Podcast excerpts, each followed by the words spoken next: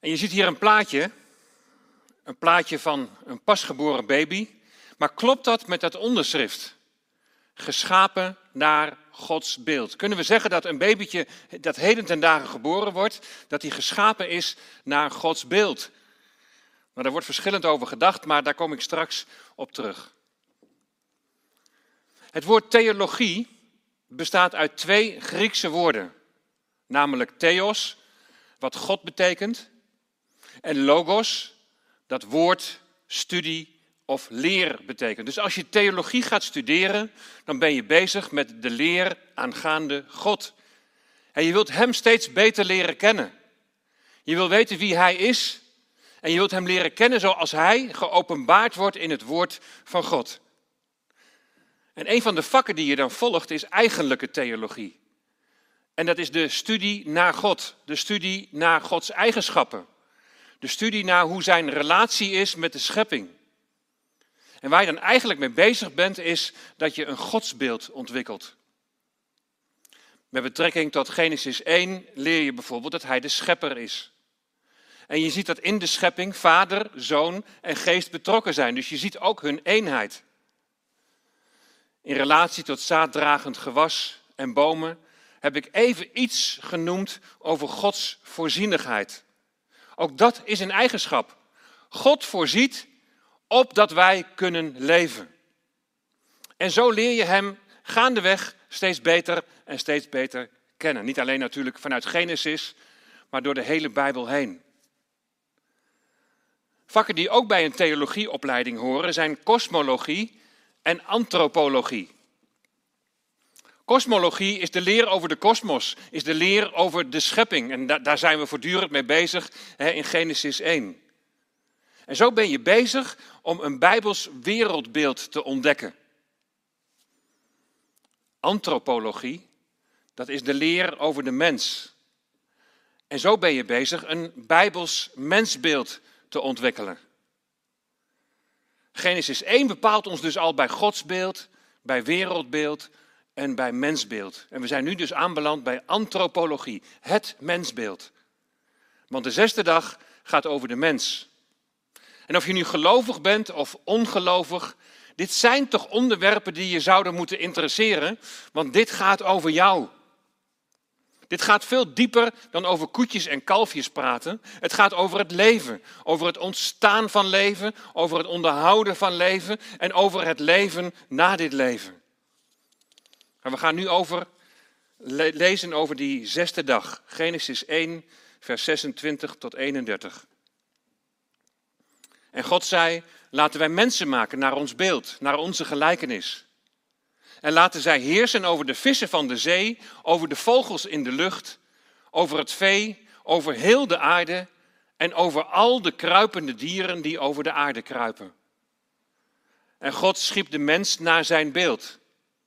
Naar het beeld van God schiep hij hem, mannelijk en vrouwelijk schiep hij hen. En God zegende hen. En God zei tegen hen: Wees vruchtbaar, word talrijk, vervul de aarde en onderwerp haar. En heers over de vissen van de zee, over de vogels in de lucht en over al de dieren die over de aarde kruipen. En God zei: Zie, ik geef u al het zaaddragende gewas dat op heel de aarde is en alle bomen waaraan zaaddragende boomvruchten zijn, en dat zal u tot voedsel dienen. Maar aan al de dieren van de aarde, aan alle vogels in de lucht en aan al wat over de aarde kruipt, waarin leven is, heb ik al het groene gewas tot voedsel gegeven. En het was zo. En God zag al wat hij gemaakt had en zie, het was zeer goed. Toen was het avond geweest en het was morgen geweest, de zesde dag. Vandaag dus een stukje antropologie, de leer van de mens. En deze zesde dag beginnen we wat de mens betreft helemaal bij het begin. En nu zou er eigenlijk even tromgeroffel te horen moeten zijn. Het tromgeroffel dat aangeeft dat wat God aan het scheppen is, dat het op dit moment tot een hoogtepunt komt. Daar waar het allemaal om begonnen is, breekt aan. Alles is ontworpen, alles is ingericht ter voorbereiding op de schepping van de mens. De mens met eer en glorie gekroond, lees je in Psalm 8, vers 6. En we zeggen daarom ook wel de mens de kroon op Gods schepping. We hebben al eerder gezien dat de Vader, de Zoon en de Geest bij de schepping betrokken zijn. De Vader, de Zoon en Geest zijn één in wezen. En we spreken dan ook wel over God de Vader, God de Zoon en God de Heilige Geest. Maar ze hebben wel verschillende rollen. De Vader is de, de ontwerper van de schepping. Hij schept in de Zoon, die zo dus de schepper is. En de Geest is de onderhouder van de schepping.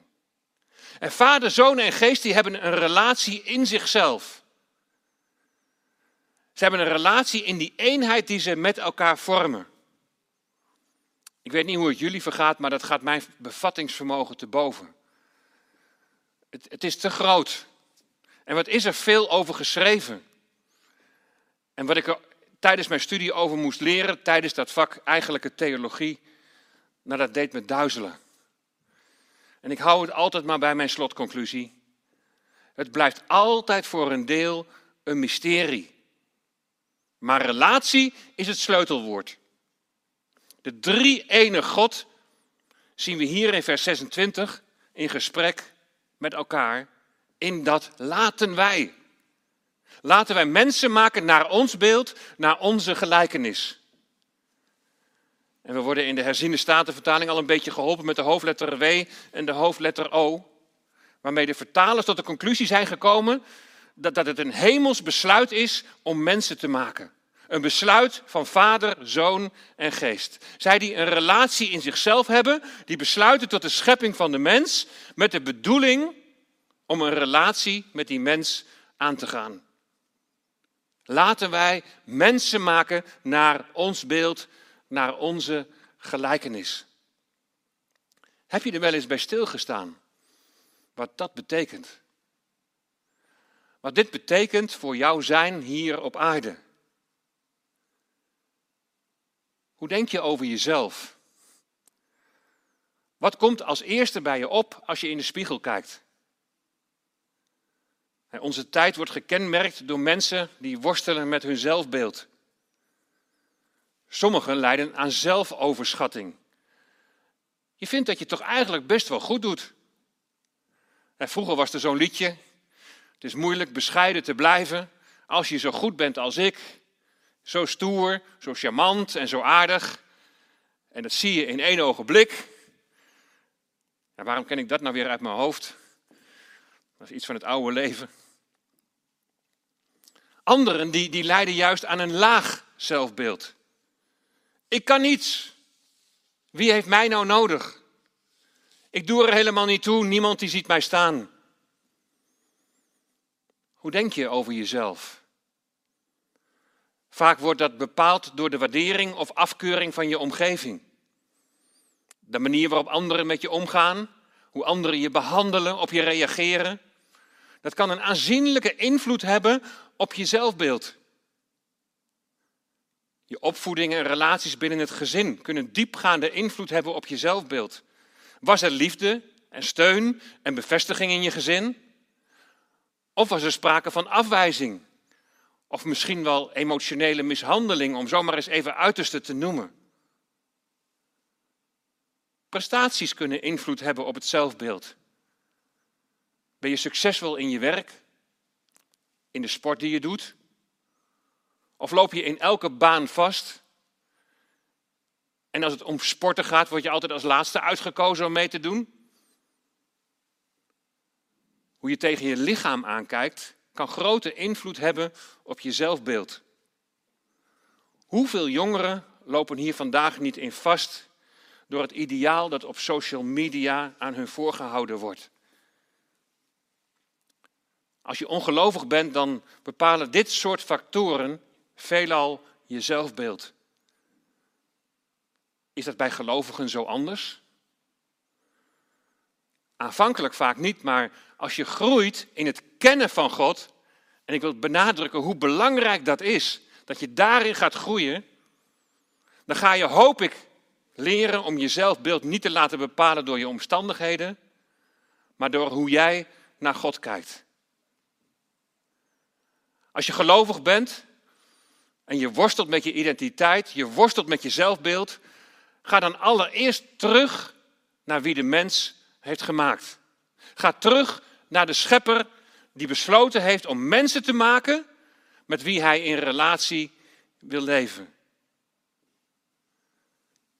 Als je gelovig bent, dan zou je je zelfbeeld moeten laten bepalen door hoe God jou heeft gemaakt. En hoe Hij naar jou kijkt. Maar ook dat kan best heel lastig zijn. Want wat is jouw godsbeeld? Een onzuiver godsbeeld, dat brengt je ook tot een onzuiver mensbeeld en daarmee zelfbeeld. Is God streng en oordelend? Of is Hij liefdevol en genadig? Hij slaat je godsbeeld door naar de ene of naar de andere kant, of is er sprake van balans? Het is belangrijk dat je begint bij het begin, bij de schepping van de mens. En wat je dan leert over Gods intenties en over zijn verlangen. Laten wij mensen maken naar ons beeld. Een goddelijk besluit om mensen te maken. Dat betekent dat hij de mens heeft gewild. En dat betekent dat hij jou heeft gewild. Als je nou worstelt met je zelfbeeld, laat dit dan eens tot je doordringen. God, jouw schepper, jouw maker, heeft jou gewild en jij mag er zijn. Ja, maar ik ben toch een zondaar? Wacht even. Loop niet te snel. We zijn nog niet bij Genesis 3, de zondeval en wat de gevolgen daarvan zijn. We kijken allereerst naar Gods oorspronkelijke bedoeling met de mens. En hij heeft ervoor gekozen om mensen te scheppen. En dan staat er ook nog dat God zegt: laten wij mensen maken naar ons beeld en naar onze gelijkenis. Wat betekent dat? En in hoeverre helpt je dit om zicht te krijgen op je eigen identiteit, op wie je bent? Veel mensen worstelen met hun identiteit. Een worsteling die in de huidige samenleving ook nog eens wordt aangewakkerd door allerlei opvattingen die heel ver afstaan van een bijbels mensbeeld. Neem bijvoorbeeld het vervagen van onderscheid tussen man en vrouw. Wat betekent het dat je geschapen bent naar Gods beeld en gelijkenis? Nou, als ik daar niet uitkom, dan ga ik op onderzoek uit en dan ga ik meestal eerst even kijken van wat er in het Hebreeuws staat. En misschien kan ons dat iets verder helpen. Is het dan zo belangrijk? Ja, het is zeker heel belangrijk dat je weet wat het betekent dat de mens geschapen is naar Gods beeld. Want dat bepaalt namelijk jouw mensbeeld. Het helpt je bij het begrijpen en aanvaarden van je identiteit, van wie je bent. In het Hebreeuws staat voor beeld het woord tselem. En je kunt dat woord beeld vertalen met een gegoten of gebeeldhouwde afbeelding of een schaduwbeeld. In de tijd van het Oude Testament zie je bij de volkeren dat koningen vertegenwoordiger van de godheid waren. Ze werden ook wel godenzonen genoemd. En om hun macht te tonen, lieten ze op verschillende plekken in het rijk standbeelden, Selem, gebeeldhouwde afbeeldingen plaatsen. En zo lieten zij zien dat ze de godheid vertegenwoordigen. En dat is natuurlijk pure afgoderij. Maar dat wij geschapen zijn naar Gods beeld, dat betekent dat wij in figuurlijke zin die gebeeldhouwde afbeeldingen van Hem zijn. Maar dan niet om onze macht te tonen, maar om te laten zien van wie we zijn. Dat de mens God zijn schepper vertegenwoordigt hier op aarde. En dat vertegenwoordiger zijn van Hem, dat zit ook in dat woordje tselem. De mens is zijn schaduwbeeld, zijn vertegenwoordiger hier op aarde. Een groot deel van de kerkgeschiedenis werd eeuwenlang naar de gelijkenis met God gezocht in het cognitieve, in het denkende vermogen. En God werd dan gezien als het slimste wezen dat er bestaat. En dat wij ons rationeel, wat ons verstand betreft, ontwikkelen, dat zou iets van God laten zien. In die zin zou de mens beeld van God zijn. Ze zagen dat trouwens niet als van toepassing op alle mensen. Vrouwen werden bijvoorbeeld lange tijd niet als rationele wezens gezien. Pas vanaf plusminus 1900 werd meer nagedacht over wat het mannelijk en vrouwelijk in vers 27 voor betekenis heeft in relatie tot het beeld zijn van God. En de bekende Zwitserse theoloog Karl Barth die zag een verband tussen mannelijkheid en vrouwelijkheid enerzijds en de drie ene God anderzijds. We hebben gezien, de Heere God die heeft een relatie in zichzelf, een relatie tussen Vader, Zoon en Geest, die één in wezen zijn, maar die toch verschillend zijn in de rollen die ze hebben. En zo is het ook met mannelijk en vrouwelijk. In het huwelijk zijn ze één, ze worden tot één vlees, maar ze zijn toch heel verschillend en ze hebben ook verschillende rollen.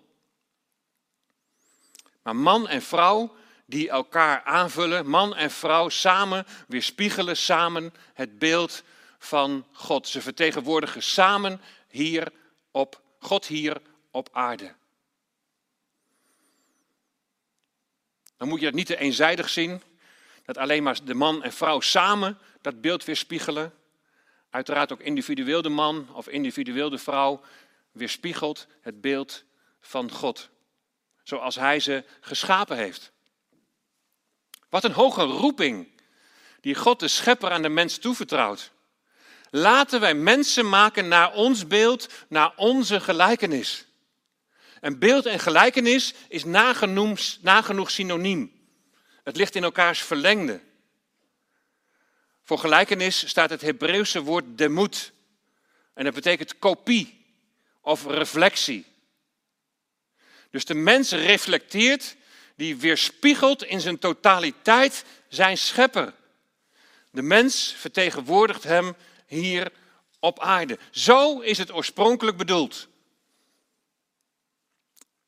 Maar misschien maakt je dat nog onzekerder.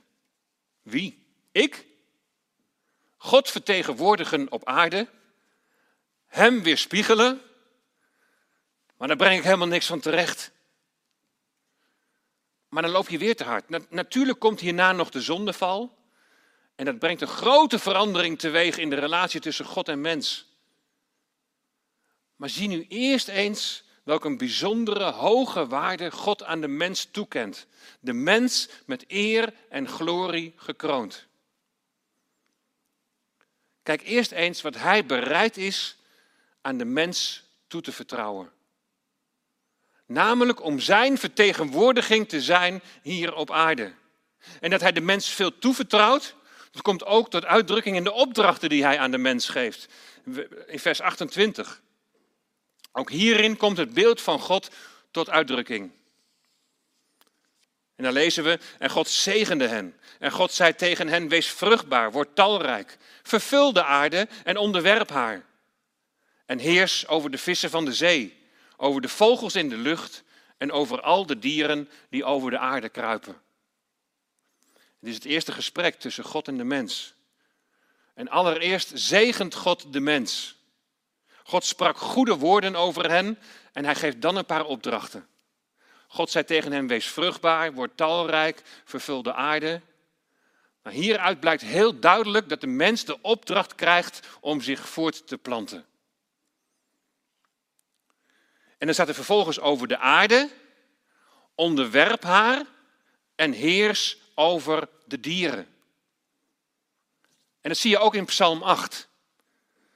Als er in vers 6 staat dat God de mens met eer en glorie kroont, volgt daarop in vers 7, u doet hem heersen over de werken uw handen.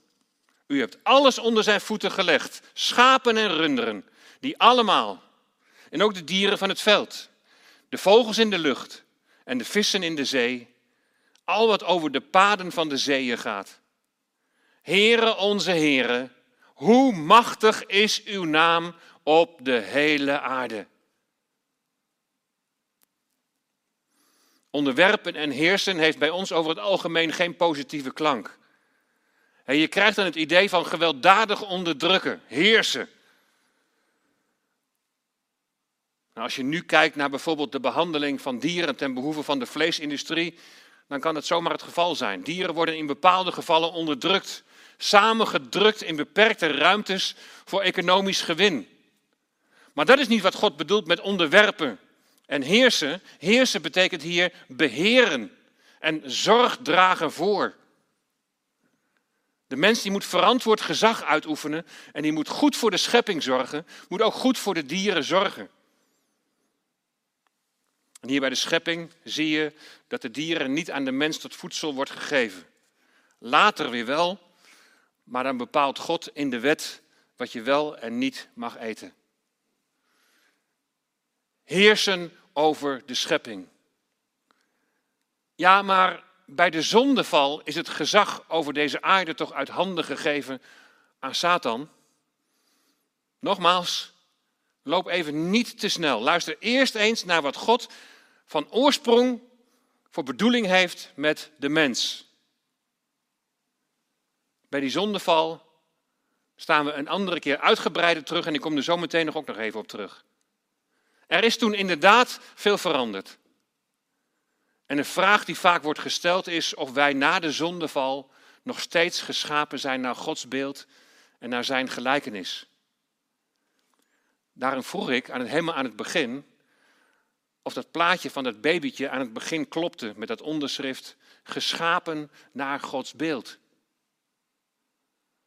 Nou, het is heel duidelijk dat de mens het onderwerpen van de aarde bij die zondeval uit handen heeft gegeven. De Satan wordt na die zondeval de overste van deze wereld genoemd. De God van deze eeuw, de God van deze aion, van dit tijdperk dat alles onder het beslag van de boze ligt. Maar dat betekent niet dat wij geen verantwoordelijkheid meer hebben in relatie tot het goed zorgen voor de schepping. En je moet niet in een houding terecht gaan komen van, nou ja, het is toch allemaal in de handen van de Satan. Het is toch allemaal niet meer te redden. Dus de zorg voor de natuur zal mij een zorg zijn. Ben je nog steeds beeld van God? Dat is de vraag. Dan kijk maar eens mee in Genesis 5. Daar staat in Genesis 5, vers 1 tot en met 3 het volgende. Dit is het boek van de afstammelingen van Adam. En op de dag dat God Adam schiep, maakte hij hem naar de gelijkenis van God. Dus hier staat in ieder geval heel duidelijk dat God Adam schiep naar zijn gelijkenis. Maar dat was dan tijdens zijn schepping. En dan lezen we verder. Mannelijk en vrouwelijk schiep hij hen. En hij zegende hen en gaf hun de naam mens op de dag dat ze geschapen werden. En dan komt het. Adam leefde 130 jaar en verwekte een zoon naar zijn gelijkenis, naar zijn beeld en hij gaf hem de naam Seth. Hier zie je dat, dat van de zoon van Adam niet wordt gezegd dat hij geschapen is naar Gods beeld en gelijkenis, maar naar het beeld en het gelijkenis van zijn vader Adam. En dan zijn er uitleggers die zeggen dat het zo mooi doorgegeven wordt van vader op zoon. Naar Gods beeld geschapen zijn. Maar er is wel iets gebeurd met Adam. Hij was oorspronkelijk die gebeeldhouwde afbeelding, die schaduw van God. Maar die relatie met God is verstoord. Als een Romeinse keizer stierf, dan werd zijn hoofd van het standbeeld afgehaald. Hij werd als het ware onthoofd. En als er weer een nieuwe keizer was, dan werd het hoofd van die keizer op dat oude standbeeld gezet. Als jullie van deze boom eten, dan zullen jullie sterven. God had heel duidelijk gewaarschuwd. Doordat de mens zich van God afkeert, wordt hij zeg maar onthoofd. Je beelddrager van God zijn is in ieder geval ernstig beschadigd. Dus we hoeven geen discussie aan te gaan of je nu wel of niet geschapen bent naar Gods beeld. Wat in ieder geval als een paal boven water staat, is dat het beeld van God zijn enorm is beschadigd. Adam, die weerspiegelt na de zondeval niet meer ten volle het beeld van God. Hij is als het ware onthoofd. En Seth is een zoon naar zijn gelijkenis, naar zijn beeld. De gevallen Adam. Die onthoofding, die beschadiging van het beeld van God, van het beeld van God zijn, werkt door in de volgende generaties. Het werkt door in de hele mensheid. Weet je wat er moet gebeuren? Precies hetzelfde wat gebeurt als er een nieuwe keizer wordt aangesteld. Er moet een nieuw hoofd op. Irenaeus van Lyon, de eerste grote theoloog en kerkvader, geboren in 130 na Christus, die kwam met de term recapitulatie. Recapitulatie, dat gebruiken wij vaak in de zin van als iets samengevat moet worden, dan recapituleren we. In het Latijn zit daar het woord caput in, wat hoofd betekent. Met recapitulatie bedoelde Irenaeus van Lyon herhoofden. En zo komen we zoals altijd weer uit bij de Heer Jezus. Want Jezus die sterft op een plek die hoofd heet in het Aramees, Golgotha. De apostel Paulus die noemt in zijn brief aan de Efeziërs Jezus het hoofd van zijn lichaam, het hoofd van de gemeente. Hij noemt hem het hoofd van alles. En de belangrijkste tekst voor Irenaeus was om alles in de hemel en de aarde weer onder één hoofd bijeen te brengen, onder één hoofd te recapituleren, samen te vatten onder Christus. Er is een nieuwe koning die de mensheid vertegenwoordigt. Dat betekent het plaatsen van een nieuw hoofd. En dat betekent onze redding. Het herstel van de mensheid naar Gods oorspronkelijke doel met de mens. In Christus moest ons beeld van God zijn weer worden hersteld. Een verandering in ons en door ons heen naar het beeld van de Heer Jezus. Ik las het volgende om te illustreren wat er is gebeurd. In 1928 waaide per ongeluk een schimmelspoor het lab van Alexander Fleming binnen, recht in een petrischaaltje. De bacteriën erin stierven en lang verhaal kort, het gevonden penicilline werd een medicijn dat wereldwijd miljoenen levens redde. De mogelijkheid die lag al lang te wachten. Besloten in de schepping misschien zelfs. Maar Fleming die ontsloot die en het werd bruikbaar. De mogelijkheid om ultiem verbonden te blijven met God lag al vanaf het begin in de zoon. In zijn zoon, in de eersteling, schiep God de hemel en de aarde. En door het hele Oude Testament heen zien we continu een verschijning van de zoon. Zij het enigszins verborgen. Maar met zijn komst naar deze aarde wordt het geheim werkelijk ontsloten en wordt zichtbaar.